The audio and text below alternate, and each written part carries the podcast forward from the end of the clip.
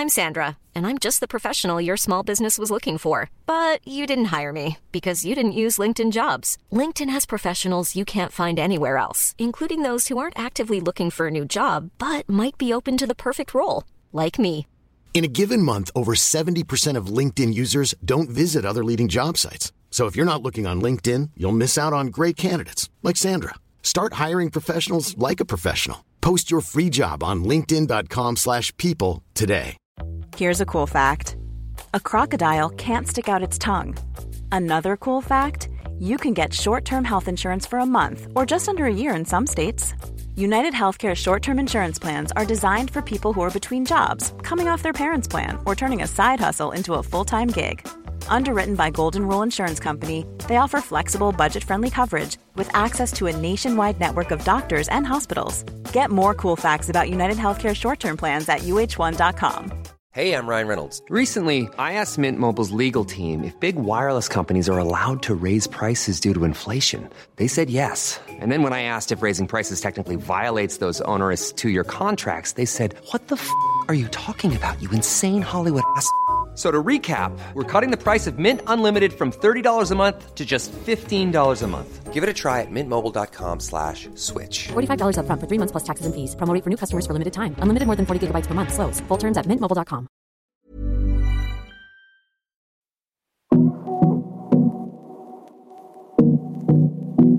Hej och varmt välkommen till Karriärpodden och till avsnitt 222 där jag gästas av Emma Knaggård Wendt som är ny generalsekreterare i Ownershift. Tankesmedjan som arbetar för att öka kvinnors ägande markant under vår livstid. Emma har en bakgrund som varumärkesstrateg och organisationsutvecklare från både näringslivet och ideella sektorn.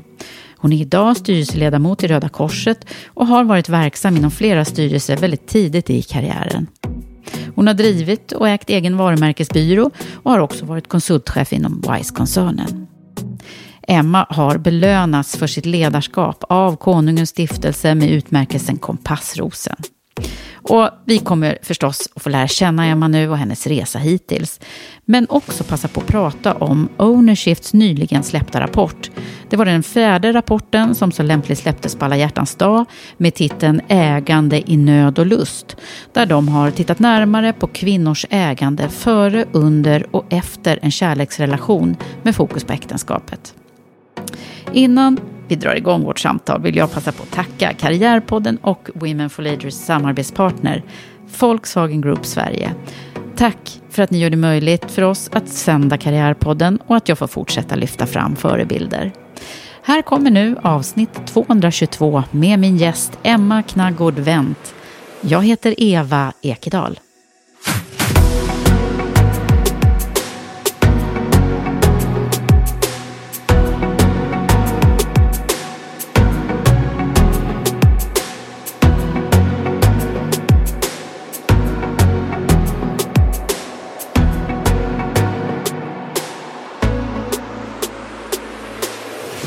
Emma Knaggård Wendt, välkommen till Karriärpodden. Tack!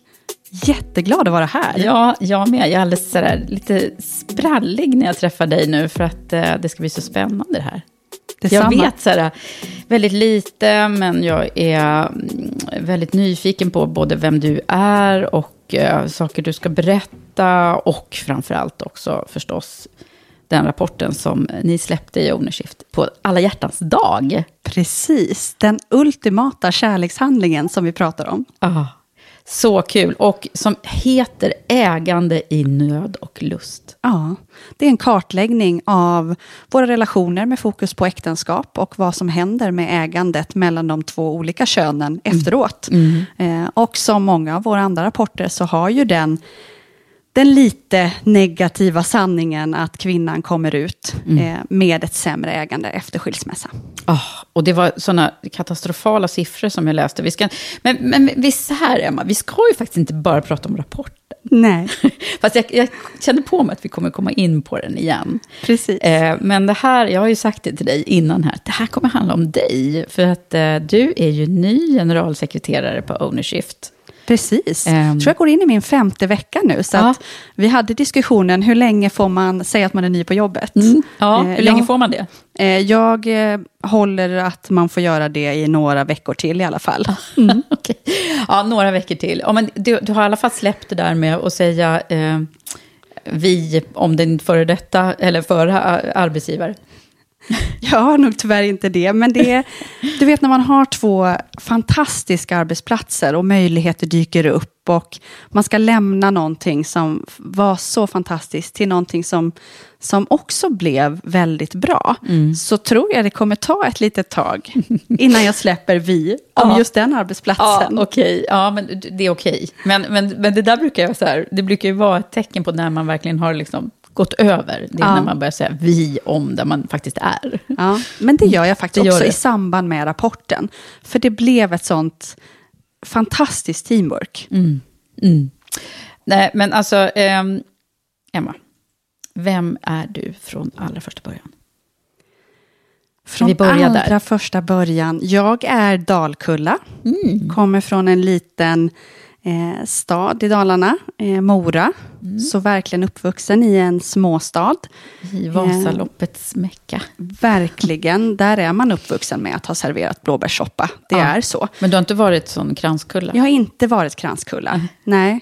Ehm, så det får man väl ha som en dröm som inte blev av. Tyvärr. Men mycket traditioner, mycket folkdräkt. Eh, allt det man tycker är idylliskt med Dalarna har funnits i min uppväxt. Mm, Man kan se det lite framför sig Ja. sådär. Och Eh, svenska flaggan och midsommar. Och, mm, ja, midsommar är verkligen heligt. Den ska firas i Dalarna, så är det. ja. Mm. Men du släppte Dalarna någon gång? Väldigt tidigt. Eh, Jag flyttade faktiskt när jag var 16, men inom Dalarna. Så att jag är ju estet från början och gick musikalprogrammet i Vansbro, i en ännu mindre eh, del av Dalarna. Idylliskt, många som hade flyttat dit. Vi eh, ja, men lagade mat tillsammans och gick på en väldigt liten skola. och... Där fylldes ju dagarna av dans. Det var min stora dröm, att bli dansare och danspedagog. Ah, var det dansen som var grejen? Ja. Uttrycka känslor, eh, få leda människor att uttrycka sin personlighet, men genom dans. Det var nog min stora passion när jag växte upp. Vad häftigt. Det är sånt där man inte kan gissa nu då Nej. såklart. Men vad, vad, vad var det för typ av dans? Eh, jazz, eh, show. Sen är det klart att balletten ligger alltid som grund. Utifrån att ha tekniken med sig och styrkan. Eh, så att väldigt bred. Men vad hände då? Ja, men vad hände? eh, nej, det var mitt mål eh, på gymnasiet och ville verkligen bli dansare. Eh, men när jag flyttade till Stockholm så hann jag gå ett halvår och fick en ganska allvarlig knäskada. Eh, och drabbades ju, som många gör i den branschen, av att vad gör jag nu? För får man en skada så kommer man inte in på en till skola. Eh, det är ganska hårda krav. Aha, man måste vara skadefri. Ja, du måste vara. Det är ju läkarundersökningar och det är ganska eh, kritiska blickar så om man har en framtid om man skulle vara skadad. Så där var det ju att helt tänka om egentligen. Vad, ska- vad ska jag göra nu? Ja, vad ska jag göra nu? Också flytta Men den här drömmen om att bli, det måste vi stanna lite där, det är så häftigt här för det tänker jag ofta på när jag Mm. här i Karriärpodden, att det- det är så intressant med de här första valen. Mm. Och vad var det som fick dig att, att ha den här drömmen om dans? Men för det första så tror jag att jag kommer inte från en akademisk familj, så att man har aldrig pratat om karriär och studier och möjligheter med att tänka stort, utan man har pratat mycket om lust. Vad vill man göra? Jag kommer från en bakgrund med företagarfamilj eh, och försäljning. Eh, min mamma var företagare eh, tidigt och min pappa var säljchef. Eh, så att där var det mycket mer det här arbets... Ja, men kraften, vad finns det i lusten och vad kan man ta sig fram i då? Och jag tror att någonstans där så formades min dröm. Min uppväxt är också väldigt kantad av mycket sorg. Min pappa gick bort tidigt i cancer när jag var liten. Eh, och innan jag fyllde 18 så hade väldigt många i min familj eh, gått bort tyvärr. Eh, utifrån olika sjukdomsbesked. Så väldigt nära släktingar som mormor och morfar och farmor och farfar och morbror. De Det- bara försvann Ja, för dig så att det var... det är ju jättekonstigt att säga, men en naturlig del i min uppväxt. Eh, som också gjorde att man landade i att hitta lusten i någonting och passionen. Eh, för i, i och med det här så stannade jag också i växten. Eh, och fick spendera väldigt mycket tid på sjukhus. Eh, Ja, vadå, du liksom blev... Ja, jag, jag stannade när jag var ja, men runt 120 centimeter och behövde då gå en, genomgå en, en eh, behandling av tillväxthormon. Som är lite som en diabetesbehandling med en spruta man tar varje dag. Eh, Men Hur gammal väl- var du då? då? men jag gick i femte klass. Eh, Så att jag blev ju väldigt lillgammal tidigt. Och det är ju en naturlig del att Du sa lilla Emma. Ja, för att när livet händer så tidigt så behöver man hitta lusten i någonting. Men du blir ju också en exceptionell projektledare. För du måste ju ta hand om dig själv. Om du ska någonstans till kompisar, ja men då skulle den där sprutan med, den skulle vara i sin kalla kylbox. Eh, man behövde alltid tänka några steg innan som man inte behöver och ska inte behöva som barn och ungdom. Nej. Eh, så att det Ja, har så du format fick mig. bli vuxen lite Ja, för snabbt. väldigt. Mm. Eh, och Eller då- på gott och ont. Ja, kanske. men på gott och ont. Ja. Det finns både många positiva delar och Mm. negativa delar. Men att absolut att ha en, en ensamstående mamma i en småstad, eh, vad allt det innebär rent ekonomiskt och annat, så, är det, Mm. det absolut blev också något som har präglat. en drivkraft, eller? Det tror jag. Mm. Eh, både att jag alltid har fått med mig att jag vill skapa en trygghet för mig och min framtid och eh, mina barn. Eh, den ligger djupt rotad i Mm. mina livsval och karriärsval. Eh, och också värderingarna. Eh, Men det här med lust, alltså det, det tänker jag också att eh, det har jag träffat många människor som har haft liksom förluster och gått igenom sorg och så, men som kopplar det till att de, det, det låter ju precis som du säger, kanske lite befängt, men alltså att man känner livet i sig mer. Men jag tror att det kommer ju väldigt naturligt när man får uppleva det som barn. Mm. Så blir ju det en naturlig del i att livet är skört. Nu får jag ju ge all eloge till min mamma som har lyckats skapa en så otroligt trygg uppväxt trots detta för oss. Och att man alltid har lärt sig att ta sig vidare Mm. från det. Och att det är en del av livet. Man ska inte ta det ifrån sig. Men man kommer också lära sig att leva med det. Eh, och många av mina händelser som händer som barn är ju det som händer de flesta som vuxna. Ja, precis, och du har liksom redan Ja. Lärt dig en massa saker. Men, men om man, den här eh, tillväxt, eh, hur, fick ni ordning på det med hjälp av medicin då? ja, men precis. Det är ju en är ju väldigt avancerad... nu, tänker jag. Ja, men precis. Det är en väldigt avancerad behandling utifrån det. Man tittar på hur långa är föräldrarna, hur, hur ska vi ställa in medicineringen. Hur lång ska hon bli? Ja, men hur lång ska hon bli? Den är, blir ju väldigt mekanisk. Eh, man går på olika behandlingar och man åker till sjukhuset väldigt frekvent, träffar samma läkare, samma sjuksköterskor, eh, väger och mäter hela tiden. Eh, när jag tänker tillbaks på det hade ju det där kunnat slagit fel för en tjej. Att alltid titta verkligen. på vikt och längd i kombination med dans, att Ja, titta sig i spegeln. också så här. Eh, Mm. Men jag kanske fick med mig då tryggheten istället, för den känner jag mig väldigt trygg i. Att man har haft väldigt svårt att liksom knuffa på den här själv, självständigheten och grundtryggheten. Eh, Men jag tänker Mm. Mycket att... styrka, tänker jag. Ja, där. men det hade kunnat gått åt tvärtom, tänker jag också. Ja, men det gjorde var det som mig. gjorde att det inte gjorde det? Nej, men jag tror absolut det handlar om de som jag hade runt omkring mig då. Att det kändes som en naturlig del. Det skapades en trygghet runt omkring mig. Eh, och att jag fick med mig det. Eh, såklart i en tid, i en småstad. Eh, fanns inga sociala medier, det fanns inga jämförelser utanför min egen krets. Nej. Eh, det blev absolut så att det blev lite mobbing i skolan utifrån längd och jag hade bara en förälder. Sånt här som man tänker kommer inte från barn utan från vuxna. Men jag hade ändå min grupp och mina vänner. Så att det blev aldrig så att jag blev själv. Eh, och eftersom jag hade, gått, hade varit med om så mycket så tror jag att det här blev en annan sak att ta sig igenom. Mm. På ja, men sätt. verkligen. Nu börjar man genast här ana varför du eh, håller på med det du gör. Men, eh, men då var vi där i dansögonblicket när du då Mm. inte eh, skulle hålla på med det. Ja. Och jag hade flyttat till Stockholm. Eh, så att jag behövde ju på något vis eh, få ett jobb och kunna överleva på något vis. Det fanns ingen direkt tanke där och då om en annan utbildning, en annan väg, utan då var det mer, vad är jag riktigt bra på? Eh, och kom då in på försäljning. Jag har haft loppis i, i mammas garage väldigt tidigt. Sålt av mina syskons ja. saker, inte lika populärt.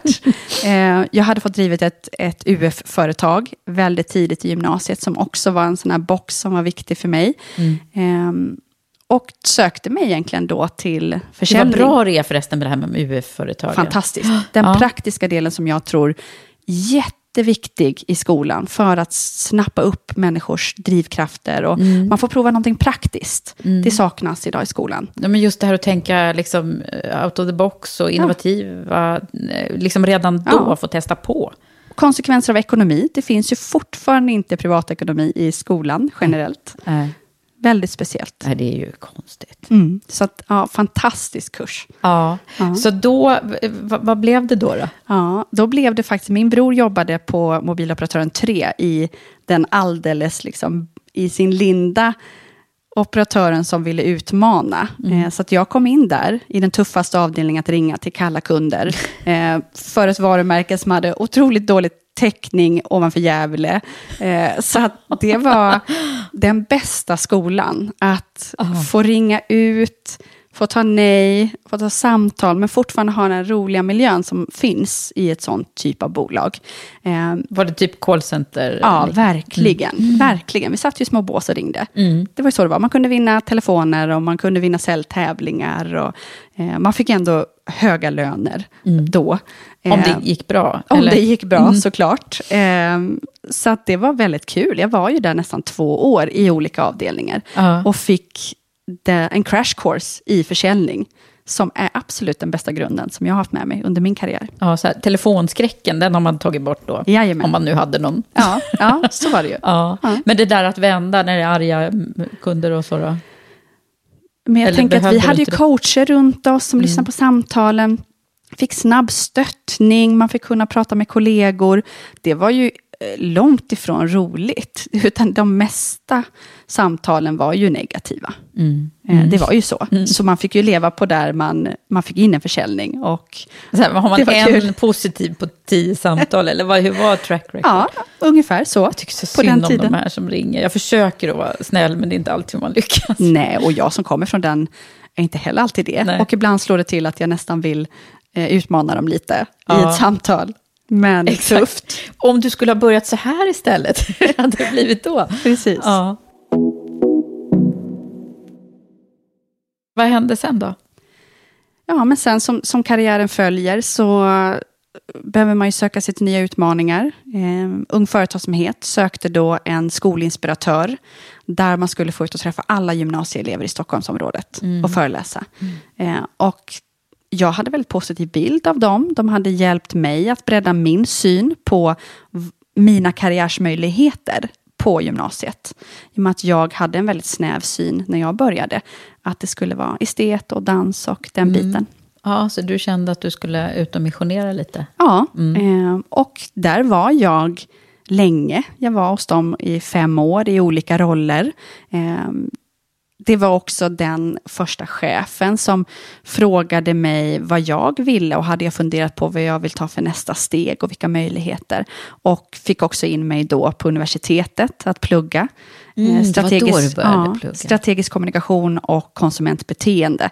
För att jag har alltid haft en vilja i att se vad händer när man kommunicerar på ett visst sätt och hur beter man sig då? Vad händer psykologiskt? Mm. Um, om jag tänker där jag är idag och tänker bakåt, hade jag kommit från en mer karriärsinriktad familj, kanske jag hade hamnat på en annan inriktning och skola, eh, som hade gett mig en annan typ av bredd. Mm, vad hade men, det blivit då? då? Men jag kan tänka mig att jag hade kanske hamnat på Handels, mm. eh, där jag pluggar nu på utbildningar. Mm. Det kanske hade varit ett naturligt. Ja, för val. det här akademiska spåret, jag tänker ja. på det när, jag, när, jag, när du sa det här, liksom kom inte från, för du har, det är ganska mycket på utbildningssidan här. Ja, och det där är verkligen eh, duktig flicka, typiskt kvinnligt. jag vill kunna något på djupet innan jag säger det. Eh, så att från universitetet har jag betat av det mesta i utbildningsväg för att verkligen förstå ledarskap, psykologi, eh, förståelsen för hur man bygger varumärken, strategi. Men du säger att det är det, är det här liksom, duktig flicka, kunna... Ja, det skulle jag säga. Och också, tror jag, att kommer man inte från en familj där man pratar om att skapa en bred utbildning och en trygghet, att jag är ekonom eller jag är jurist, så tror jag att det blir ett sökande i att alltid fylla på med kunskap. Mm. Sen är jag så som person, jag älskar att lära mig nya saker. Jag har svårt att se att jag inte skulle vilja göra det. Mm. Men jag tror att samhället också formar det lite. Att tjejer ska ha höga betyg, kvinnor bedöms på erfarenhet och man vill då skapa sig Mm. Leva den upp möjligheten. till det, ja. Mm. Så var det för mig i alla fall. Mm. Samtidigt som det ju nu, jag menar, det är ju verkligen det vi pratar om, att det är ett ständigt lärande, och att det, är- det är det vi, be, alla människor behöver ställa om sig till. Verkligen. Eh, det går liksom inte att förlita sig på Nej. den här utbildningen man gick en gång Nej. Nej. och jag tror att det är helt okej. Jag tror inte att man kommer ha en karriär framåt. Jag tror att man kommer ha olika spår. Ja. Till skillnad från tidigare när man var i en karriär på ett företag. Givet att vi har inte de industrierna idag. Så jag tror inte heller att du kan vara någonstans i 20-25 år längre. Nej. Och då kräver det en helt annan flexibilitet och Ja. nyfikenhet. Men det har du liksom redan snappat upp med tanke på att du började där då i det här Ja. akademiska spåret. Ja. Ja, men vad, då, vad tänkte du då, då att du skulle syssla med? Nej, men då tänkte jag och ville bygga mig en professionell del där jag jobbar med det yttre varumärket och marknadsföringen och hur kan företagen egentligen binda till sig konsumenterna utifrån marknadsföring, försäljning, varumärke. Jag har alltid varit intresserad, redan när jag började plugga, om det här med hur man förpackar saker och varumärket. Och att det finns ett djup i det i organisationerna, så att det inte bara är någonting man formar rent kommersiellt. Eh, och på den tiden... Men då blev det liksom data, eh, techdata, vart det då?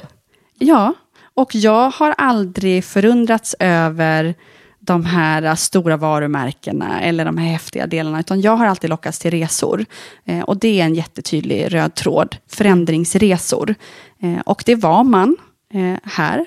Man var inne på en förändringsresa. Det här var nog det mest komplexa marknadsuppdraget man kan ta, för att du jobbar i ett amerikanskt bolag på en inhouse-avdelning, där marknadsavdelningen ska göra vinst. Så att jag behöver ju tänka vinst när jag får marknadsbudgetar från mina leverantörer. Och jag jobbade aldrig mot slutkund. Nej. Utan jag jobbade ju att skapa eh, en marknadsplan för att få ut de här varumärkena till försäljare. Så att när de står i butiken och ska välja mellan Samsung eller Apple, då ska man tänka Samsung. Eh, så att jag fick aldrig prata Mm. med slutkunden, Nej, utan nej. hade alltid konkurrens i det. Mm, just det. Eh, och det var väldigt intressant Mm. och väldigt utmanande. Men det gäller ju liksom att hitta det där djupet. För när, Mm. jag, när du sa djupet och jag tittade på liksom, ditt CV här nu, så kände man, ja men det där, var det något djup? Men det är klart att det blir ju det. Det blir ju vad Ja. man gör det till också. Ja, men det blir det vad man gör det till och också vad man lockas av. Jag hade nästan precis kommit från universitetet då och ville verkligen lära mig och förstå hur man skapar värde genom marknadsföring. Och det som jag hade fått från min mentor som som var en stor del, det var ju det att du behöver förstå, du behöver observera, du behöver ta den positionen att inte bara leverera någonting som du får till dig, utan observera så många organisationer du kan, på så många olika plan, gärna de som inte är så prestigefyllda eller eh, varumärkesmässiga, som man egentligen brukar ge rådet när det gäller karriär. precis. Sikta högt så att det kommer se bra ut på CVt. Ja. Men den här mentorn gav mer ett djup, att förstå så kommer du bli så bra som möjligt. Du ska verkligen grotta ner dig i det här ämnet. Eh, och det passade mig också. Ja. Vad var det för mentor? Ja, men det var en mentor som jag hade fått eh, genom en av de kurserna som jag hade gått tidigt, eh, via Dale Carnegie, som är eh, en ledarskapsorganisation. Eh, att verkligen hitta vägen framför mig, med att jag inte hade det här tydliga nya karriärsmålet, eller den här nya tydliga drömmen efter min dans, så behövde jag ju utforska. Och då behövde jag hitta min väg i det utforskandet. Och det var att verkligen lära mig marknad och varumärke på djupet. Och det gör man genom observation. Precis, men det var ju kloka råd du fick där. Verkligen. Ja. Eh, och jag tror att jag har letat kanske efter de råden och de mentorerna, givet att jag inte hade det hemifrån. Mm. Så det har varit en viktig del, att alltid ha någon mentor som jag har tagit eh, kaffe med och eh, som har följt med mig under, under lång, lång tid. Vad kul. Vi, vi kommer ju ofta in på det med mentor och Mm. sponsorer och så här. Och det tycker jag, det kan vi prata mycket om. För det är många som, alltså alla behöver ju en mentor brukar jag säga. Eh, oavsett var man befinner sig i livet och, och så. Sen kanske man inte behöver den hela tiden, men då och då behöver man ju det.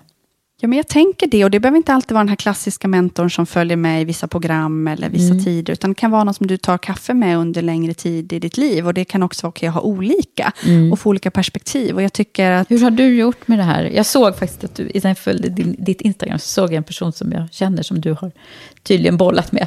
Jag tänker på Gunvor. Ja, precis. Kommer hon att bli omnämnd här nu? Nej, men Gunvor är ju en fantastisk förebild för Gunvor mig. Engström ska vi säga. Precis. För att hon har också en karriär som inte har varit tydligt på pappret, att nu går man det ekonomiska spåret, vd, utan hon har ju bollat landshövdingsroller till s- tunga styrelsepositioner till tunga vd-poster. Eh, för att också göra skillnad och varit väldigt trygg i det. Och att hon fortfarande vill göra det. Så att jag mötte Gunvor första gången på en ordförandeutbildning faktiskt. Eh, och tyckte att hon var så häftig i det.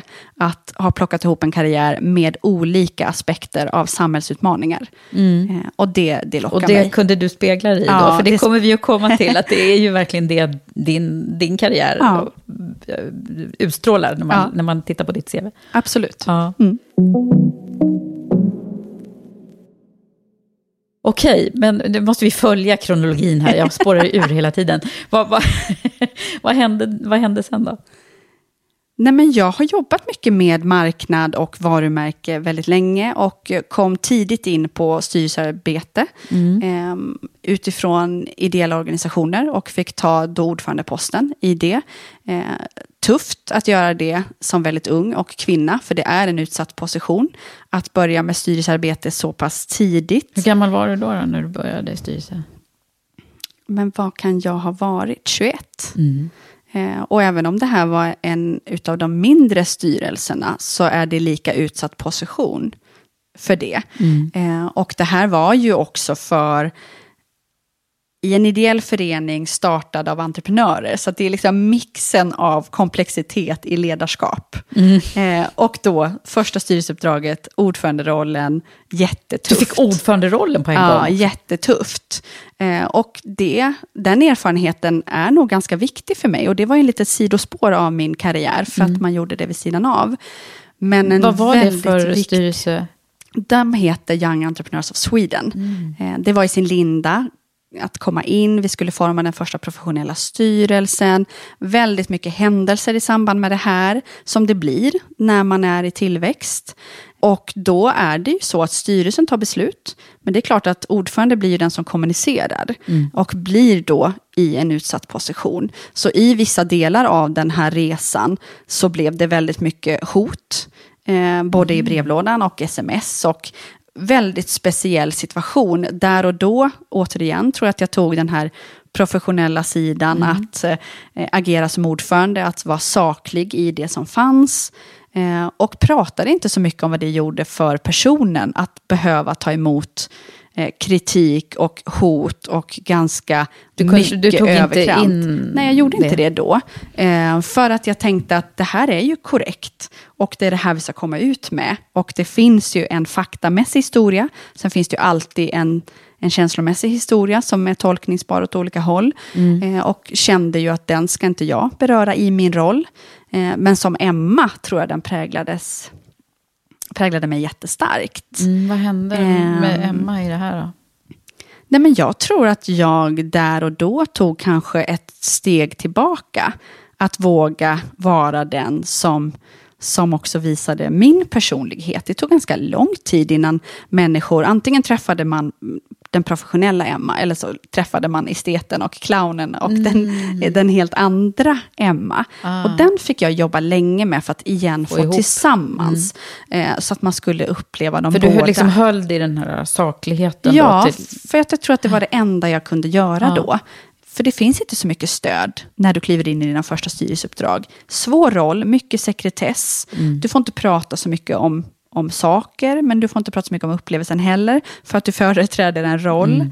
Mm. Eh, och det tänker jag att man så behöver det var liksom lyfta. lära, den, den hårda skolan redan från början här kan man säga då i styrelse. Verkligen den hårda skolan. Och jag tror att jag, det har följt min parallella här, eh, styrelsekarriär, att ja. jag har tagit på mig komplexa styrelseuppdrag. Ja, för att det, har det ju verkligen varit. Uh, ungcancer. Mm. Mm. Eh, men egentligen samma sak. Både när det gäller Mattecentrum och Ungcancer så var det att komma in och hjälpa till att bygga upp, eh, om man så säger, den professionella styrelsesidan i en organisation som har växt starkt med starka drivkrafter, engagemang. Mm. Det som krävs för att bygga någonting. Men sen ska man ju ta vid och göra det till ja, men en bra arbetsplats, det ska finnas en långsiktighet, man behöver tänka strategiskt, knyta an, som är nästa steg i en tillväxtresa. Mm. Eh, men det blir alltid den lilla komplexiteten när man pratar om entreprenörer och medlemsdrivna organisationer. Du ska ju leda engagemang. Mm. Och det tror man ju är fantastiskt. Men det har ju också sin nackdel i att du kan inte styra engagemang. Du kan inte trycka på stopp när du vill. Utan du har ju ett engagemang när, när det är så det. idéburna eh, ja, verksamheter. Verkligen. Ja, men det förstår jag verkligen. Mm. Men, men alltså den här, jag måste få ihop det här. Du har ju liksom en styrelsekarriär. Mm. Mm. Eh, vad var, kom det här liksom, drivet ifrån? Nej, men jag tror att redan från början har jag haft ett jättestarkt samhällsengagemang. Jag har sedan jag har varit liten allt alltid känt att om man vill förändra behöver man göra det själv. Jag vill inte ha åsikter eller stå vid sidan av och tycka saker. Eh, så att redan från början har jag eh, varit med. Ville jag ha en danskurs så gick jag till kommunen och fick sponsrat en, en danslokal. Mm. Eh, så samhällsengagemanget finns med och förändringsdrivet. Sen har jag som alla andra ett jobb som jag gör eh, ja, 9 till 5, det klassiska som man pratar om. Mm. Och det är ju min, min karriär som, som marknad och varumärkesstrateg. Mm. Eh, som sen också landade då såklart i en egen reklambyrå. Eh, ja, berätta. Som vi hade och som jag startade tillsammans med en annan partner. För att vi såg behovet av att jobba långsiktigt med varumärkesstrategier. Både när det gäller innehåll och content, men också strategiskt knyta an affären till marknaden. Och då pratar vi inte bara om att det ska vara en ny logga eller det här kommersiella som varumärket länge har varit förknippat med. Utan då ville vi verkligen sätta det som en paraplystrategi. Sen kommer övriga strategier som marknad, kommunikation, sociala mm. medier, digitalt. Mm, så och, en djupare... Ja, och den strategin saknar väldigt många. Ja. Och därför är man väldigt ruckbar när det gäller det kommersiella varumärket. Aha. Hur var det att vara egen, så då, helt på egna ben? Eller ja, du, med en kompanjon sa du? Ja, nej men det är tufft. Mm det är jättetufft att gå till det. Och jag tänker så länge man är själv så är det ju bara din egen lön och den kanske man kan manövrera med lite eh, sparpengar och annat. Och det är fantastiskt att höra när entreprenörer säger att man ska satsa allt. Eh, och att man kanske i värsta fall får flytta hem till mamma eller kan få hjälp av sina föräldrar. Jag hade ju inte den tryggheten, Nej. utan behövde ju alltid tänka affär och ekonomiskt. Mm. Och hur får vi vinst i det här? Mm. Och hade inte råd att göra satsningar där det inte gick med vinst. Så det var ju den ena sidan. Och när man då börjar få anställda, då blir det ju kanske lite jobbigare på riktigt. Mm. För då när man närmar sig 25 så kan man ju inte tänka vem ska få lön, utan då behöver ju alla få lön. Mm. Så att den tyngden är ju jobbigare för att man tänker och man kanske blir uppe på nätterna och man vill så mycket. Mm. Och det blir så mycket som hänger på dig själv. Vad var du i livet under den här perioden då? Nej, men då var jag i livet, jag hade inte, jag hade en, en sambo, eh, så att det fanns ju ändå någon slags trygghet. Jag hade inga barn, så att eh, det fanns mycket tid att jobba och, och ta hand om arrangemanget och bygga bolag, vilket jag är Mm. väldigt eh, trygg över. Och det var en fantastisk resa med den byrån. Eh, och vi fick jobba med häftiga kunder och häftiga varumärken. Och verkligen ett, ett kvitto på allt man har lärt sig och allt det hårda arbetet med att observera olika organisationer. Det kom till sin rätt här. Ja, Eh, det var förstå det. faktiskt kul. Och det gjorde ju också då möjligheten att jag kunde ha styrelseuppdrag vid sidan av. För det är ju för de flesta, om du inte är styrelseprops på äldre dagar, en sido, ett sidoengagemang. Eh, Precis, som man ska hantera samtidigt som man gör Såklart. massa andra saker. Såklart. Men vad hände här då? Det var eh, sex år eller något sånt som du drev den här verksamheten? Precis. Eh, jag fick mitt första barn och kände väl att jag skulle vilja vara i en större kontext. Min partner ville också gå vidare med andra satsningar och stod då själv som ensam ägare.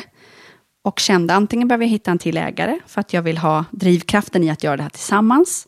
Eh, eller så eh, behöver jag hitta andra vägar att, att gå ur det här. Och då bestämde vi egentligen att jag köpte ut eh, den andra partnern från början och ville driva det vidare och gjorde det ett tag. Men kände sen att jag vill gå in på djupet mer med organisationsutveckling och inte bara jobba med det kommersiella. Och steget där byrån befann sig då i väldigt stark tillväxt var ju att antingen ta in kapital, vilket är svårt i ett tjänstebolag, eh, ta in någon som vill bli partner och göra det tillsammans med mig.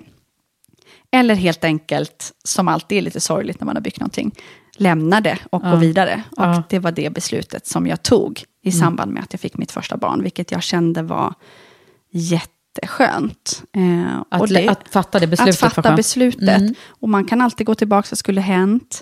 Eh, och jag tänker varje gång jag kommer in till någon byrå med fint kontor, att ja, det här var ju en av drömmen, att bygga det större. Mm. Eh, så det fanns ju såklart om och men och kanske. Ja. Men att fatta beslutet Vad kändes var det som gjorde att du fattade beslutet, tror du? Det avgörande? Men det avgörande var faktiskt att i samband med det så fick jag ett ledarskapsstipendium från Kungens stiftelse, Kompassrosen, eh, för mitt ledarskap just inom näringsliv och ideell sektor. Och jag har i många år fått förklara varför är du inom näringslivet och vad gör du inom eh, den ideella sidan med dina styrelser och alltid fått förklara För mig. styrelseuppdragen har, har nästan uteslutande varit eh, Då var ideella. de uteslutande i ideell, i ideell sektor. Och då hade jag ju en fot i både civilsamhället och inom näringslivet. Eh, och man kan alltså då inte sätta mig i ett fack, vilket många vill. Eh, och då fick jag just stipendiet för att jag faktiskt hade en fot i de båda världarna. Med motiveringen att jag får människor att växa och affärer att växa.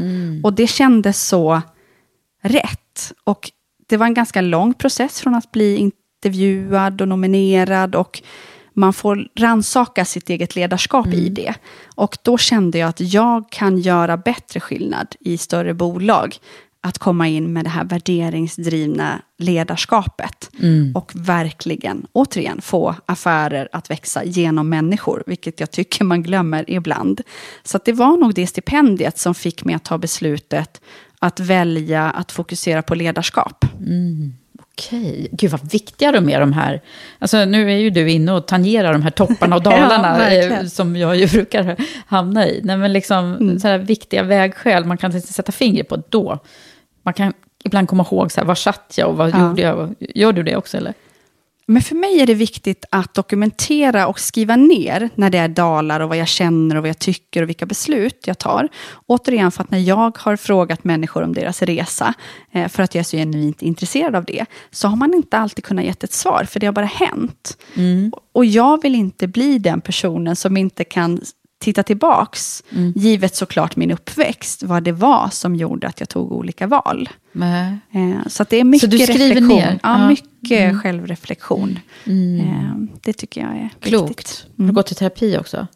Nej, men inte just klassisk terapi. Eh, Det skulle jag kanske ha gjort. Men mycket mentorer, mycket ledarskapskurser, mycket nära när det gäller personlig utveckling. Och då tangerar man ju både, Ja, ja, det, det. Mm. både det personliga och det affärsdrivna. Eh, Men det har nog varit viktigt för mig att, att eh, få göra både och. och För det här med att växa, liksom. Eh, jag träffar ju så många människor som...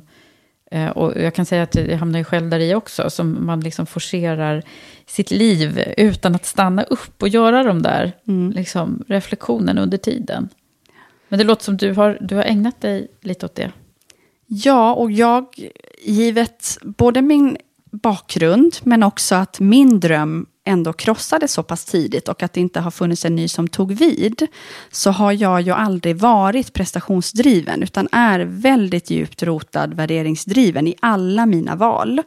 Ehm, så har ju jag tyckt att det är okej okay att ligga på soffan och se på Netflix. Mm. Ehm, och har jag mycket på jobbet, nej men då har inte jag en full social kalender. Ehm, och det är ingenting som jag har reflekterat över.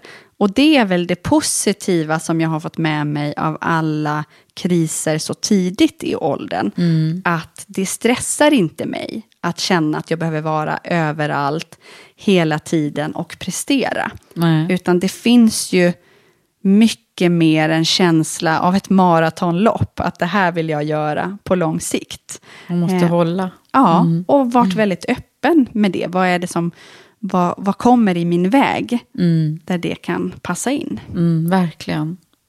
Så då blev du mamma? Då blev jag mamma. Mm. Hur ja. var det då? Fantastiskt. Det har väl ändå funnits i min drömbild. Jag skulle nog inte kunna se mitt liv utan en egen familj. Av naturliga skäl, att, att vår blev så upphackad under tiden. Mm. Så att, fantastiskt. Det blev ett, ännu ett lugn och en känsla av att det faktiskt gick. Det var inte möjligt. Det är inte säkert att det alltid går att få barn. Mm. Så att det var jättefint. Och är ju jätteroligt. Och nu har jag ju hunnit få två mm, barn. Mm, mm. Så att verkligen småbarnslivet. Och kunde du liksom stanna upp då och, och verkligen vara i det? Eller, eller var, var du mm. så här? och jag höll på med lite annat också. Eh, det är väldigt speciellt och det här är ju en stigmatiserad fråga. Mm. Hur kvinnor ska mm. göra. Exakt. Eh, när man är Och jag brukar inte alltid prata om det, men jag tänker att med dig kan jag nog göra det. För mig så var det inte naturligt att bara vara hemma. Eh, nu ska man också säga att mitt första barn var ju ett barn som sov konstant och hela tiden och var jag än tog med honom. Så mm. det blev lite lättare eh, med det. Så att jag jobbade, jag hade ju min byrå då, för jag avvecklade ju byrån under året jag var mammaledig. Mm. Så att jag jobbade ju med kunduppdrag, hade möten, eh, tog med mig bebisen på väldigt mycket. Eh, styrelsemöten eller så var han en babybjörn på på föreläsningar eller mm. i en mm. vagn med farmor utanför eller med min sambo. Um, och det var viktigt för mig. Det var jätteviktigt att få ha kvar den drivkraften och den kombinationen av att få mm. göra det kombinerat. Mm. Så det mm. passade mig. Det gör det ju med, med, säkert med många, eller det är ju jättemånga som gör så. Och det där med att vara dömande kring de här frågorna, det, det hoppas jag verkligen att vi har kommit en bra bit härifrån. Men, men jag tillhör ju den generationen som, där var det ju så att man skulle vara hemma. Liksom. Ja, och jag tror att vi har ju kommit jättelångt, mm. men vi står också still, för det är fortfarande mycket mycket kommentarer att man jobbar heltid som kvinna när man har fått barn. Mm. Eh, och vem har barnet då? Mm. Eh, det Tänk finns... om man skulle fråga liksom, om, om alla män i intervjuerna, men, ha, har du fått barn? Men jobbar du heltid? Nej, men jag tror att i arbetsintervjuer när jag fick barn var första gången som jag som kvinna upplevde diskriminering. Ja. Utifrån lönediskussioner. Jag fick i arbetsintervjuer sitta och diskutera om man ringer från förskolan, vem är det då som hämtar barnet? Alltså bygga upp scenarion utifrån min familjesituation. Eh, så att det finns oh, fortfarande. fortfarande. Mm. Um, och du är ganska låst som kvinna. Mm. För vad ska du göra åt det? Eh, antingen får man jobbet eller inte. Nu, jag har haft tryggheten att inte välja de arbetsplatserna, för mm. att jag in, det speglar inte med mina värderingar. Men det är inte alla som kan det, Nej. och då blir det en inlåsningseffekt. Ja, verkligen. When you're ready to pop the question, the last thing you want to do is second guess the ring. At Bluenile.com you can design a one-of-a-kind ring with the ease and convenience of shopping online. Choose your diamond and setting. When you find the one, you'll get it delivered right to your door. Go to Bluenile.com and use promo code LISTEN to get $50 off your purchase of $500 or more. That's code LISTEN at Bluenile.com for $50 off your purchase. Bluenile.com code LISTEN. Hey, I'm Ryan Reynolds. Recently, I asked Mint Mobile's legal team if big wireless companies are allowed to raise prices due to inflation. They said yes. And then when I asked if raising prices technically violates those onerous two year contracts, they said, What the f are you talking about, you insane Hollywood ass? F- So to recap, we're cutting the price of Mint Unlimited from $30 a month to just $15 a month. Give it a try at mintmobile.com slash switch. $45 upfront for three months plus taxes and fees. Promo for new customers for limited time. Unlimited more than 40 gigabytes per month. Slows. Full terms at mintmobile.com. Hiring for your small business? If you're not looking for professionals on LinkedIn, you're looking in the wrong place. That's like looking for your car keys in a fish tank. LinkedIn helps you hire professionals you can't find anywhere else, even those who aren't actively searching for a new job but might be open to the perfect role. In a given month, over 70% of LinkedIn users don't even visit other leading job sites. So start looking in the right place. With LinkedIn, you can hire professionals like a professional. Post your free job on linkedin.com slash people today. Millions of people have lost weight with personalized plans from Noom, like Evan, who can't stand salads and still lost 50 pounds.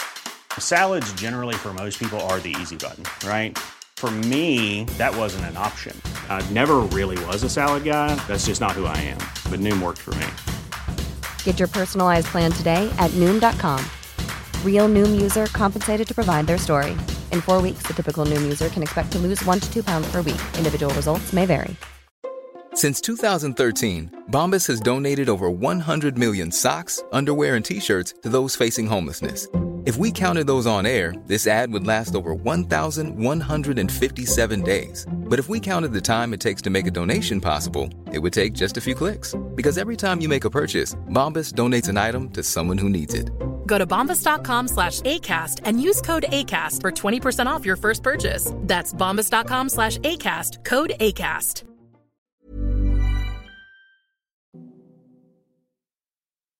Men du valde ju att eh, jobba med lite andra grejer sen. Ja, Nej, men jag, eh, under min mammaledighet så hade jag ändå tid att reflektera, var ändå ledig.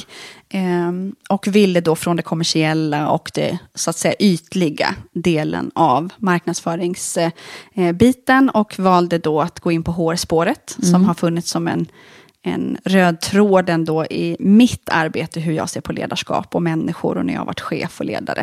Eh, och valde ju att byta helt bransch till eh, bemanning och rekryteringsbranschen. Men ändå med att hålla i lite i marknad. För att jag gick till en koncern där vi jobbade med eh, konsultuthyrning med fokus på marknadsroller. Just det. Inom Wise-koncernen. Ja. Just det. Ja, men då fanns det ju liksom en koppling, även Ja. om du... Ja. Och jag tror att det var det som lockade, att man sökte en konsultchef som skulle hjälpa till att utveckla verksamheten och ta hand om konsulter inom den nischen. Och faktiskt också hjälpa organisationer i en otroligt svår sits när marknaden har förändrats så mycket i nya titlar, i nya roller, i nya kanalval framför allt. Och som har skapat en osäkerhet. Det har ju hänt väldigt mycket på marknadskommunikationsområdet generellt sett. Ja, och man har skapat väldigt oroliga marknadsavdelningar, givet att man rycks med i att tänka kanaler och inte strategi. Och man tänker inte slutkund alltid. Nu finns det ju såklart en diskussion att man pratar mycket om eh, kundbesatthet. Mm. När jag pluggade hette det konsumentbeteende. Ja. Eh, så det har ju alltid funnits med. Men det har absolut skapat en orolighet. Eh, inte till det bättre. Utan jag tycker att man investerar väldigt mycket resurser helt fel, utan strategier och väldigt oroligt. Eh, och jag tror inte att de som verkligen, när man analyserar det här på djupet, ser någon större vinst i sin affär. Sen finns det såklart det. Eh, men det passar sig ju mer för produktsidan. När man tittar på tjänsteorganisationer eller mer komplex affärsverksamhet, då är det ju svårare att faktiskt bygga marknad som ska ge någon effekt. Ja. Men du, vad hände här då? Då gick du in i konsultchefsjobbet, hamnade i en annan bransch. Va, vad hände med dig? Jag tyckte att det var fantastiskt kul eh, att få vara med i en större kontext och att få jobba utifrån rekrytering. Och jag hade väl även där en vilja att förändra synen på hur man skiljer på, på kvinnor och män i rekrytering. Precis, jag är ju lite så här ute och fiskar. När kommer den här liksom starka viljan kring att, att vara med och förändra just eh, kring jämställdhet? den har funnits med mig väldigt länge och kommer väldigt tydligt in i när jag är inom rekrytering och bemanningsbranschen för att vi kan göra rekrytering och urvalen diskrimineringsfritt med hjälp av AI och hela digitaliseringen. Men slutvalet görs ju ändå av människor. Mm. Och där är den här bedömningen så otroligt stark rotad att kvinnor bedöms på erfarenhet och vad man har gjort tidigare och män på potential. Mm. Eh, och det är klart att när man sitter med slutkunden så finns det alltid någonting som väcks hos en. Att man vill utmana, mm. att tänka nytt, mm. tänka mer långsiktigt. Det där, det, det, ja, nu ler ju jag, det ser ju du, därför ja. att det är precis det jag jobbar med varje dag. Eh, eh, eftersom jag fortfarande är kvar i rekryteringsvärlden. Nej, men, och där, där är det ju så här, det är ju en sån balansgång mellan att att vara eh, liksom, den duktiga konsulten som levererar det kunden vill ha. Och att vara ifrågasättande. Verk Känner du igen det? Ja, att man liksom har den här... Eh, två, en, en på varje axel, liksom, som, som en som skriker bara nej, och en som säger ja men nu, nu, nu lugnar du ner dig Eva. Verkligen, och det är ju så att när man sitter med slutkandidaterna, rent kompetensmässigt är ju alla lika bra. Mm. Sen handlar det ju så mycket mer om, som jag tycker att man saknar i rekryteringsbranschen. Vi pratar ju jättemycket om ja, men erfarenhet och vi gör personlighetstester och vi gör logiktester. Men vi pratar inte om vilka situationer personerna har varit i. Vilken situation passar du bäst att komma in i? Mm. Den här situationstänket har jag alltid försökt flika in i de situationerna. Jag ska inte göra valet, det ska slutkunden göra. Men vilken situation befinner ni er verkligen i? Mm. Utifrån ledarskap, tillväxt, är det problem på arbetsplatsen?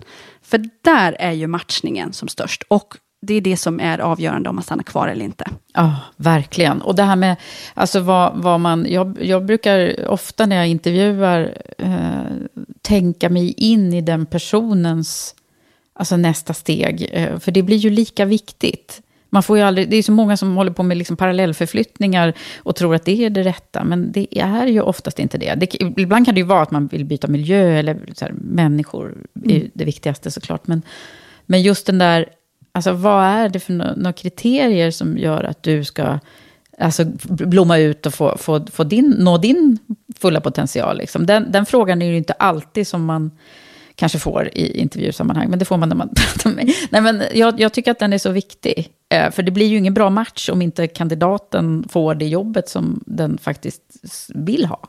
Nej, men det är jätteviktigt, för vissa är det ett steg i att bygga sin karriär. Att det här är ett viktigt steg för att komma uppåt. Och det kan ju vara okej okay om företaget kan förvalta det och förstå att det här kommer vara två år med den här personen, men vilket värde kan vi skapa? Mm. Vill man ha mer långsiktiga lösningar, men då är det ju mer de mjuka bitarna som gör att man fastnar och eh, befinner sig på en arbetsplats under en längre period. Och jag tänker att de bitarna måste man våga prata lite om.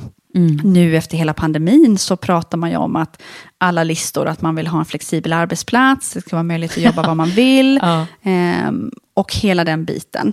Och det är ju väldigt kortsiktigt. För mig är det, i de yrken där det är möjligt, ska man också säga, eh, det är självklarhet att det ska vara både digitalt och flexibelt. Eh, och att det finns den möjligheten att faktiskt blomma ut, som du säger. Det är ju en självklarhet. Här tror jag att många kvinnor återigen går i fällan att tänka flexibelt utifrån familjesituation. Mm. Och inte då tänka långsiktigt utifrån... Vad är bäst för mig? Ja, men vad är bäst för mig? Mm. Vad får jag i pensionsavsättning? Mm. Eh, när man går in i mindre bolag eller scale-up som är en trend just nu. Vad har man för optionsprogram? Det tror jag inte att man är lika benägen att fråga, Nej. för det är någonting som är ganska långt bort, men säkrar ju din trygghet på längre sikt. Mm. Så att det jag upplever, det är ju att man nu främjar den kortsiktiga flexibiliteten, som enligt mig borde vara självklart, mot den långsiktiga tryggheten. Mm. Mm. Ja, och utvecklingen på något ja. sätt. Ja, men helt rätt. Eh, men du, vi kan ju fördjupa oss i det där, men jag tänker att vi måste ju vandra vidare här, för sen har det ju, alltså styrelseuppdragen har, har rullat på här under ja. tiden. Mm. Eh, Röda Korset. Ja. Mm. Där är du fortfarande. Ja, vilken fantastisk organisation. Mm. Verkligen. En eh, stark organisation, funnits länge, stor både i Sverige och internationellt såklart. Mm. Eh, man jobbar ju med humanitära frågor på djupet. Eh, Men vi behöver också förflytta oss strategiskt och organisatoriskt och varumärke och positionering. Allt som Mm, många det, är då kommer nu. du in med den eh, sidan. Hur viktigt är det i ditt styrelsearbete? Att, att, du, att du även kan bidra med... Tror du att det, du har rekryterats mycket av den anledningen också? Det tror jag absolut. För mig är det viktigt att man checkar av lite tre ben. Att det är varumärke, finansiering och organisering. För jag tycker att de håller samman så pass mycket. Ja. Eh, så det var nog därför jag rekryterades. Och det är viktigt för mig för att jag ska känna att jag kan bidra också. Givet att man lägger så mycket tid. Mm. Ja, för det här är ett lite större styrelseuppdrag. Det är ju ett större eh, uppdrag och mycket mer komplext Men är uppdrag. du ordförande någonstans också nu? Eh, Eller? Nej, nu har jag faktiskt medvetet valt att ha Mm. ja, men ett eh, lite mer komplext styrelseuppdrag och som och ledamot. ett väldigt komplext och roligt jobb. Och vi kommer ju dit. Men, men innan du hamnade i, i där du är nu på Mm. Ownership, så, så körde du eget också, eller? Nej, utan jag var nog en av dem som under coronapandemin drabbades av den här klassiska delen jag aldrig behövt tänkt på innan, att eh, em, få lämna en arbete på grund av turordningsreglerna. Ah, var det det som Ja, hände? Så att det var inte ett medvetet val egentligen att lämna en större koncern som Wise, utan när pandemin slog till så, så behövde man, Man drar ner. dra Mm, ner. mm. Eh, Jag hade inte jobbat så länge, jag Nej. hade bara jobbat i knappt ett år, då man behövde ta det beslutet. Ehm, och jag kände ju att jag ville vara kvar inom den branschen och inom HR, och blev då rekryterad till ett mindre bolag som jobbar med HR och rekrytering. Och där jag har varit HR-specialist. Vilket har varit fantastiskt och jackar i alla mina drivkrafter i att jobba med tillväxtbolag, ägare och vd när man ska implementera V- eh, HR-funktionen för första gången. Åh, jag har så många uppdrag till dig, om du skulle vilja vara kvar där. Mm. Ja. Men det... Och jag trivdes jättebra, fantastiska kunder, fantastiskt gäng. De är också Mm. inne på någonting, ja men en uppstickare inom rekrytering och Mm. HR. De jobbar i längre cykler. Eh, De vill eh, följa kunderna under längre tid för att vara snabba, snabbrörliga inom HR-frågor. Men också snabba när det gäller rekrytering. Mm. För ju, mer man, ju mer man känner ett bolag, ju lättare är det ju att matcha med personer i ett tillväxtbolag. För där är det ju viktigare när man är mindre. Det kan slå ganska fel med fel person. Verkligen. Nu måste vi komma till ownership här. Ja. Och det är kanske inte alla som lyssnar som vet vad ownership är. Så vi kanske måste berätta. Precis. Ownershift är ju en tankesmedja som jobbar med att främja kvinnligt ägande i alla dess former. Vi vill ju verkligen att kvinnor ska ta makten över sina livsbeslut. Från det lilla till det stora. Eh, och det är en väldigt viktig fråga i jämställdhetsdebatten. För den är avgörande. Den är väldigt avgörande. Och det är en organisation som jag har följt länge, eh, men har inte tänkt så mycket på det, eh, utan blev ju searchad till den här rollen och fick ju då testa på som kandidat. Hur är det att landa i, vill jag det här? Samtidigt som processen de där frågorna pågår. som jag nyss sa, de, fick du dem eller? Ja, men jag fick dem. Ja. Otroligt skicklig eh, rekryterare, men också styrelseordförande i hela processen. Ehm, men som kandidat är det svårare att landa i, vill jag det här i slutskedet? När du inte har sökt det själv, för det sker ju samtidigt i processen. Men någonstans, det var för mycket som lockade. Ja. Så att det var Så du hade följt och, och liksom läst rapporterna och sådär innan? Det hade jag gjort, både utifrån att jag själv har varit ägare och följt debatten om eh, såklart kvinnligt ägande, kapital som inte går. Jag har också upplevt alla de här frågorna eh, personligt. Så att det blev en ganska självklar roll att ta. Också en organisation som har vuxit snabbt, har fått enormt genomslag. Både när det gäller eh, stark genomslagskraft i media, men också faktiskt när det gäller inom politiken, så är det många som frågar utifrån den här fakta och forskningen. Det är en viktig fråga. Vi får komma in i de rummen som ibland kan vara svårt. Alltså jag, jag älskar liksom att det är den här, och jag förstår ju varför du blev rekryterad, Ja. eftersom, nu förstår jag det ännu mer.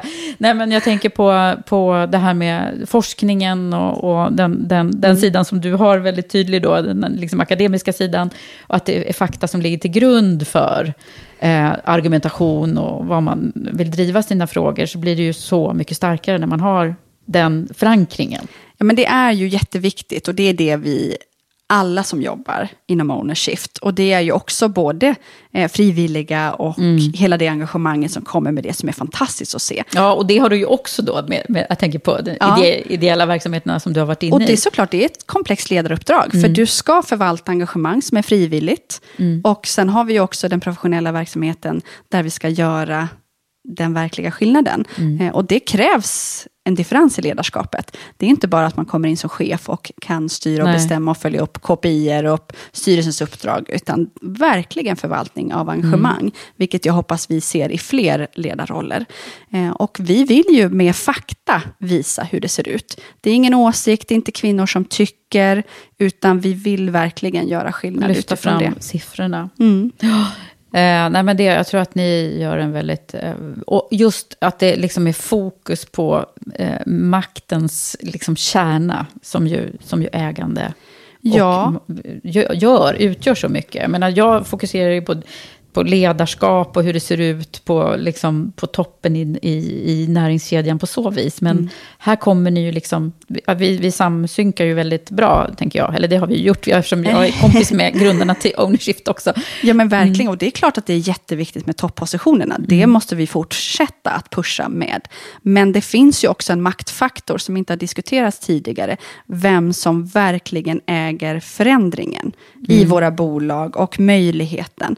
Och om man inte skapar en trygghet där man kan känna sig fri Mm. att vare sig lämna en relation eller ett jobb eller eh, någon annan typ av maktsituation, Mm. då blir den ju inte jämställd. Nej. I någon bemärkelse. Nej, helt rätt. Och då kanske vi ska göra så här nu, eh, att vi pratar lite grann om rapporten. Mm. Sen kommer jag, du ska inte tro att du ska få slippa undan här, för vi har mycket kvar att prata om. Jag bara undrar hur tiden ska räcka till.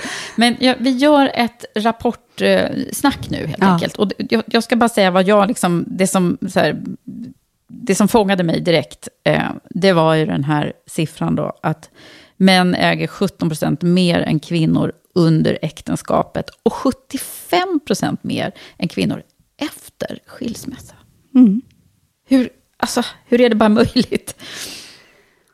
Vi reflekterar ju kring mycket av de här siffrorna och det är klart att det är eh, mycket samhällsstigmatisering, löneskillnader, möjligheten att ta sig an ett ägande efter en skilsmässa som spelar stor roll. Eh, Nu har ju vi tittat väldigt fokuserat utifrån eh, förmögenhet och fastighetsägande. Och där ser man ju att det är ju männen som behåller fastigheten efter en skilsmässa.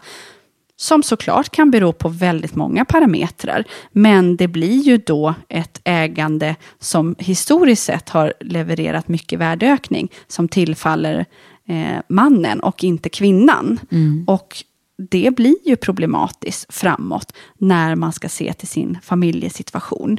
Eh, vi går ju också in på den juridiska delen. Ja, ni gör ju det ganska mycket i den här rapporten. Och det är ju för att när det gäller bodelningsprocessen så finns det mycket så att säga hål i vår lagstiftning som gynnar den ekonomiskt starkare parten att undanhålla, försena, dra ut så att man som den ekonomiskt svagare parten inte kan möta det i varken en process eller rättsprocess eller annat. För att det krävs muskler rent ekonomiskt för att faktiskt få rätt. Och då är det ju såklart många som känner, kanske redan under förhållandet har man utsatts för ekonomiskt våld som vi pratar om, som inte är lika debatterat idag. Små subtila hot som kommer. Eh, vart man ska bo med barnen, hur ska man klara sig ekonomiskt. Och, Och har den här oron, att, eller siffrorna som, kom, som ni också lyfter fram här, att det är så många som, kvinnor som menar att de inte har råd att separera. eh, Just Precis, och det är ett mörkertal. Det är också någonting Ja. vi inte kan komma åt i fakta och forskning. Det är också en problematik att det här är en unik forskningsstudie i den bemärkelsen att man inte har lyft det innan. Mm. Men det är också komplext för att vi kommer inte åt, det finns inget ägarregister, vi har inget förmögenhetsregister längre, det finns inget allmänt bostadsrättsregister. Ehm, så att det gör ju det också komplext och svårt att visa hur verkligheten verkligen ser ut. Mm. Det här är alarmerande siffror. Men om det skulle funnits mer lättillgänglig Skulle statistik och forskning så, så är det klart att vi tror att den pekar Mm. åt ännu värre siffror. Alltså, jag, jag tänker ju direkt att eh, ju, ju förr vi kan öppna ögonen för de unga kvinnorna också, eh, som kommer nu, att liksom ha det här på radarn redan från början. Det måste ju vara en av de viktigaste grejerna. Absolut, och det är ju vår viktigaste fråga. Och vi har ju med det i rapporten också, en checklista både för den enskilda individen mm. men också politiker. Mm. Men att det ska vara lika självklart att vi vågar prata om det med våra vänner och med vår partner. Mm. Hur skapar vi en långsiktig trygghet för båda parter? Mm. Hur gör ni i ert förhållande? Har ni skrivit äktenskapsförord? Eller vem tillfaller huset? En klassisk fråga som är om man har en sommarstuga till exempel, den har gått i arv. Mm. Man renoverar den, man lägger mycket av gemensamma hushållets pengar i det, men den är enskild egendom när man sen går isär. Mm. Eh, och kan man skapa ett naturligt samtal och prata om ägandefrågan? Vem äger vad? Mm. För det spelar så stor roll när Och inte göra det när man är i affekt helst, utan det, det, är sånt man ska prata om redan från ja, men början. Naturligt, och det mm. är ju en kärlekshandling. Mm om man har valt att leva tillsammans, mm. oavsett om man har barn eller inte, så vill man väl ha en trygghet för båda parter. Och hur skapar vi den tryggheten? Mm. Eh, och att det är ett öppet samtal. Ja, nej, men det, det, har ju kommit, alltså ni gör ju ett jättebra jobb. Sen har jag ju haft förmånen att träffa de som har skrivit den här boken Money Honey, yeah. som ju också är på, på, samma tema, att vi, vi liksom ska våga prata om, om pengar och ägande, både med vår partner, men också, som du säger, mm. Alltså, vi, vi, kan väl göra det på en tjejmiddag utan att det... Men det är oftast lite sådär om man tittar på varandra och den har mer och mindre. Och det är så mycket revir och prestige även i det där, precis som det är i yrkessammanhang. Ja, och såklart. Generellt sett tänker ju kvinnan mer på det humanitära. Familjen, ja. känslan, relationen mm. efteråt. Mm. Så att det är ju så, även om det skulle vara så att man faktiskt är den som äger mer, så mm. är man inte riktigt benägen att skydda sina tillgångar på samma sätt som kvinna idag, än mm. män, som männen har gjort tidigare. Men om du skulle lyfta fram några av de viktigaste eh, punkterna, nu har vi varit inne på några här, mm. men liksom, om man inte läser den väldigt gedigna rapporten från perm till perm, som inte jag har hunnit göra ännu, men vad, vad är det viktigaste liksom, findingens därifrån? Nej, men som kvinna är det ju verkligen att ta makten över sina livsbeslut. Och vad det nu innebär, i vilken situation man befinner sig i, så bör man ju se över möjligheterna till att äga så tidigt som man bara kan. Mm. Och vägen till ägande, den kan ju se olika ut. Så det behöver man ju också titta. Det är inte mm. alla som har möjligheten att äga. Det är Nej. ju väldigt privilegium att mm. få det. Um, så att jag tänker att Fast många tror ju liksom det här med ägare, det vet jag när, när Charlotte och Linda då eh, drog igång eh, det här, så var det, när de pinnade ägarinna, då var det ju många som sa, men, men jag är inte ägarinna liksom. Nej. Men det kanske man visst det, man det äger man ju någonting. Absolut, oftast. och man kan bli det. Mm. på olika sätt. Och det tänker jag är viktigt att prata om. Så det är ju en del som vi lyfter nu när vi faktiskt pratar om ägandet i relation. För att vi pratar om ägande i livsbeslut. När man skaffar barn, det påverkar ägandet. Mm. När man går in i relation, det påverkar ägandet. Mm. Eh, och det är fortfarande så, som den här rapporten, likt de fyra tidigare, visar, mm. att män äger nästan dubbelt så mycket. Mm. Så att det är den liksom största findingen igen, mm. att vi vill ju att kvinnorna också börjar äga och ser sin väg till det och ser sig själva. Det är coolt att äga det. helt enkelt. Ja, det är det. Ja, ja men jätteintressant. Nu, Emma, ska vi ta dig tillbaka till dig själv. Eller ja, du, och ditt ägande kanske. Nej, men det, det behöver vi kanske inte prata om. Men, men jag tänker att eh, jag vill höra mer om eh, ditt liv och vad det är som har gjort de här, dina vägval, dina beslut. När du, när du kikar på det, vi har varit inne på några, men finns det flera så stunder och, och händelser som har varit viktiga för dig? Det finns det absolut. Jag tror ju en viktig del i alla mina beslut har varit grundtrygghet. Det har varit viktigt för mig att skapa en ekonomisk grundtrygghet väldigt tidigt. Både utifrån ett sparande och investeringar och eh, hela den biten egentligen har varit viktig för mig. Och mm. har nog också gjort vissa val tidigt. Eh, hur kan jag skapa den ekonomiska tryggheten för mig och mm. framåt. Mm. Eh, så det har varit en viktig del som har präglat alla val. Mm. Eh, värderingsmässigt eh, väldigt mycket utifrån vilket ledarskap som har funnits på de arbetsplatser som jag har valt. Mm. Eh, när man kommer in i stark tillväxt och de situationerna som jag ändå har valt att eh, fokusera på där jag kan göra mest skillnad, så är ju också ledarskapet en viktig del i det. Mm. Och där får man ju stöta på chefskap som för mig är uppföljning, möten, eh, KPI. Du har testat dem också? Mm. Ja, eh, och den tiden tror jag ju är förbi nu efter Mm. pandemin. För nu kommer du ha medarbetare som befinner sig på olika platser. Så nu Exakt. kommer det här värderingsdrivna, coachande ledarskapet att behöva träda fram. Annars får man inte ut affärsvärdet Mm. Nej. av individer. Nej, precis. Det kommer inte gå nu. Nej. Du, eh, eh, när vi pratar om ledarskap då, så, så eh, har ju jag en eh, eh, samarbetspartner som också skickar med en fråga som handlar om hållbart ledarskap. Eh, och det är ju Volkswagen Group Sverige som, som är min samarbetspartner. Och de är, lite, de är upptagna med att, att fördjupa sig i det här hållbarhetsområdet av olika, på olika spektrar. Eh, men, men vad säger du? Vad är det liksom, om, om du tänker på, på just hållbart ledarskap, vad, vad, vad betyder det konkret för dig? Nej, men för mig är det en förutsättning att vi ska skapa stabila bolag framåt och organisationer. För någonstans så är det ju så att har du tagit på dig ansvaret att ansvara över människor och individer, då måste man göra det på ett hållbart sätt. Och här tror jag man tappar lite när man har börjat prata om självledarskap som är så populärt Ja, just nu. det är det. Eh, för att det ska finnas en förutsättning för det, för alla, för det är, inte, det är långt ifrån alla som är skapta för att leda sig själva. Då skulle vi ju haft många fler entreprenörer i Sverige än vad vi har. Så tror jag att man behöver skapa den här arbetspsykologiska tryggheten. Vart vi ska, en vision och våga vara den ledare som visar vägen. Men såklart på ett inkluderande och hållbart sätt. Men det blir inte hållbart när man försöker styra utifrån micromanagement eller utifrån siffror och KPI. Man behöver inkludera människan i det. Eh, och där behöver varje chef och ledare fundera kring nu. Hur blir det här hållbart för alla runt omkring mig?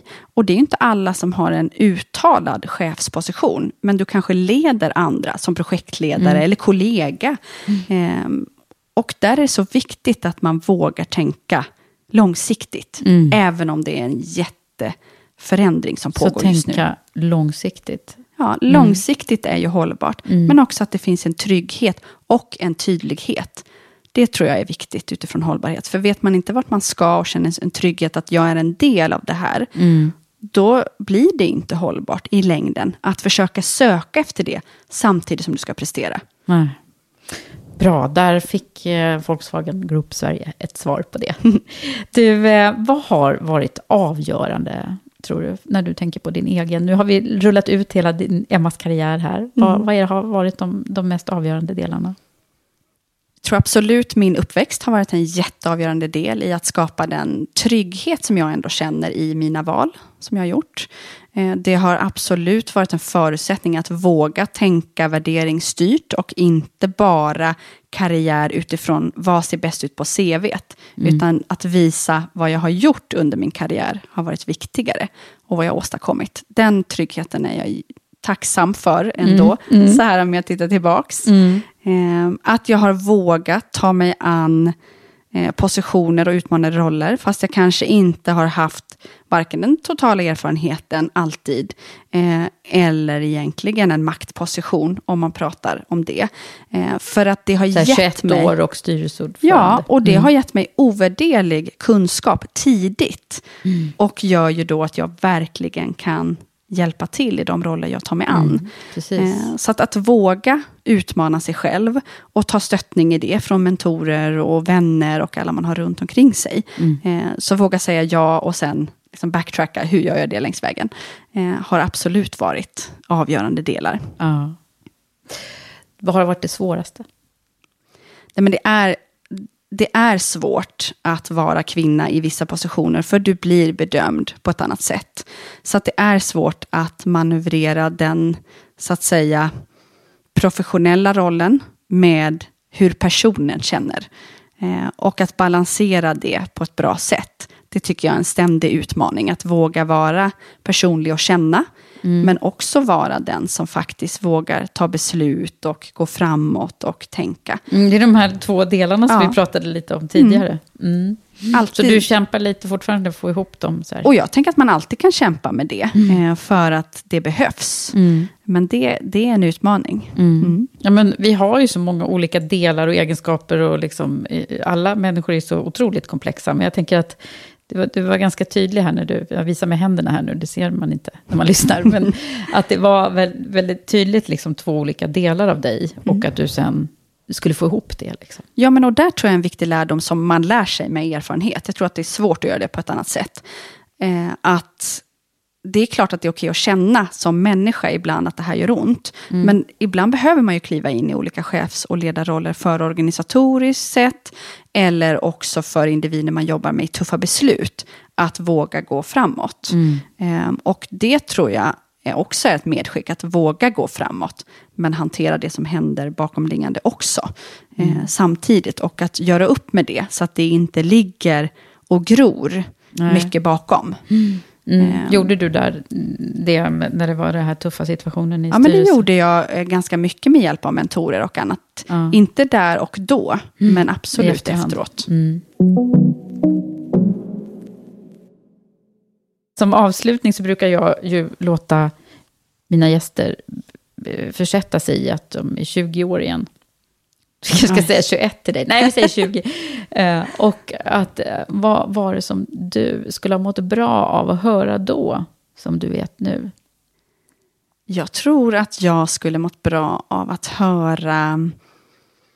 Jag menar, att våga tänka långsiktigt, att stanna upp och att alla beslut inte är avgörande. Det är okej att ångra sig. Eh, Det är okej att gå in på ett spår och djupdyka på det. Men att faktiskt också ta en annan väg framåt. Du behöver inte ta dina livsbeslut när du är 20 år gammal. Nej, det hade du behövt höra då. Ja. ja, just det. Ska jag dansa eller nej, det ska jag inte. Nej. Mm, Okej. Är det någonting annat som dyker upp i ditt huvud?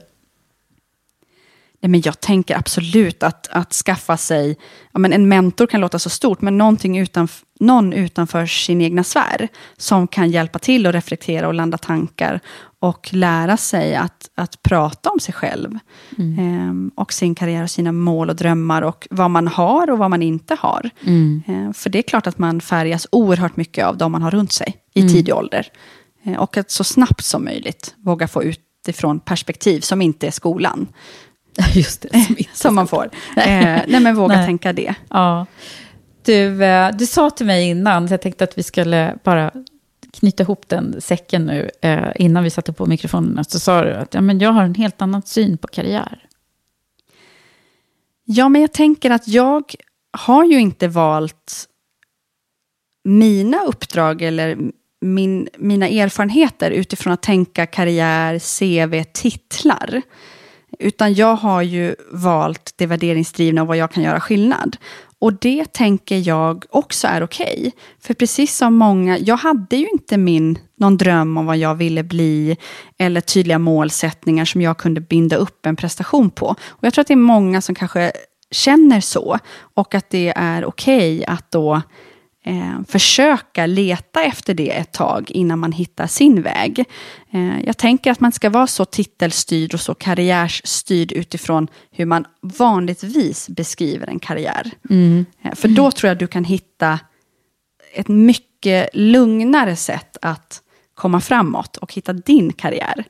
Eh, och att jag tror att man blir lugnare i sig när man jobbar och inte så orolig. För då strävar man ju efter någonting som någon annan har sagt. Och det där är ju jättelätt, såklart. Eh, Ja, men precis, att välja sin väg och så här. Och jag, jag, möter ju ofta människor som, som är lite så här, men vad ska jag göra? Jag vet inte vad jag vill. För det är ju ganska ofta som, som det Ja. är så också. Du kanske själv kände så då? Som sagt. Absolut, och ta hjälp av det och fråga. Återigen med en mentor som, som frågar dig ett frågebatteri med så mycket frågor som möjligt. Vad tycker du är kul? Vad, när blir du glad? När, när trivs du på jobbet? Vilka kollegor? Va- Hur, vill din, hur ska din vardag se ut? Eh, för ju mer man ställer sig frågor och får frågor till sig så kommer man ju hitta ett sätt att i alla fall ta sig framåt. Eh, för jag tror att alla kommer ju landa i vad man vill på sikt.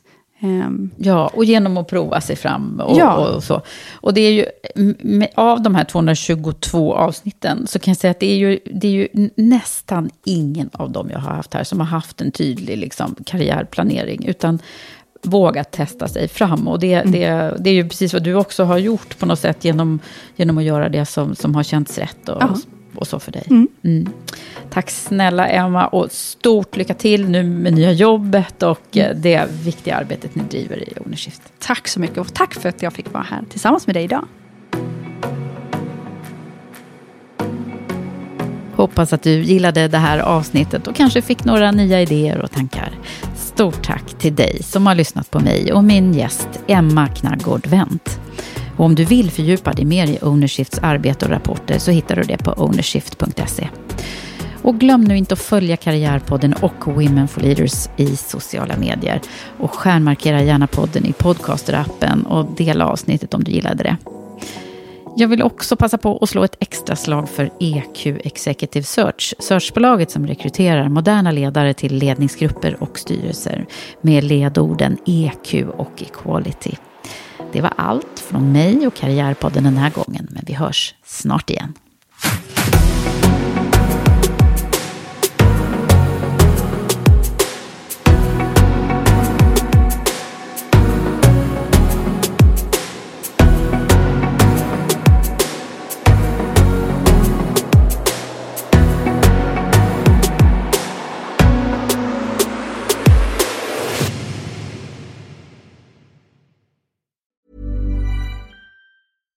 Mom deserves the best, and there's no better place to shop for Mother's Day than Whole Foods Market. They're your destination for unbeatable savings, from premium gifts to show-stopping flowers and irresistible desserts. Start by saving 33% with Prime on all body care and candles. Then get a 15-stem bunch of tulips for just $9.99 each with Prime. Round out Mom's menu with festive rosé, irresistible berry chantilly cake, and more special treats. Come celebrate Mother's Day at Whole Foods Market. Mom deserves the best, and there's no better place to shop for Mother's Day than Whole Foods Market. They're your destination for unbeatable savings, from premium gifts to show-stopping flowers and irresistible desserts. Start by saving 33% with Prime on all body care and candles. Then get a 15-stem bunch of tulips for just $9.99 each with Prime. Round out Mom's menu with festive rosé, irresistible berry chantilly cake, and more special treats. Come celebrate Mother's Day at Whole Foods Market.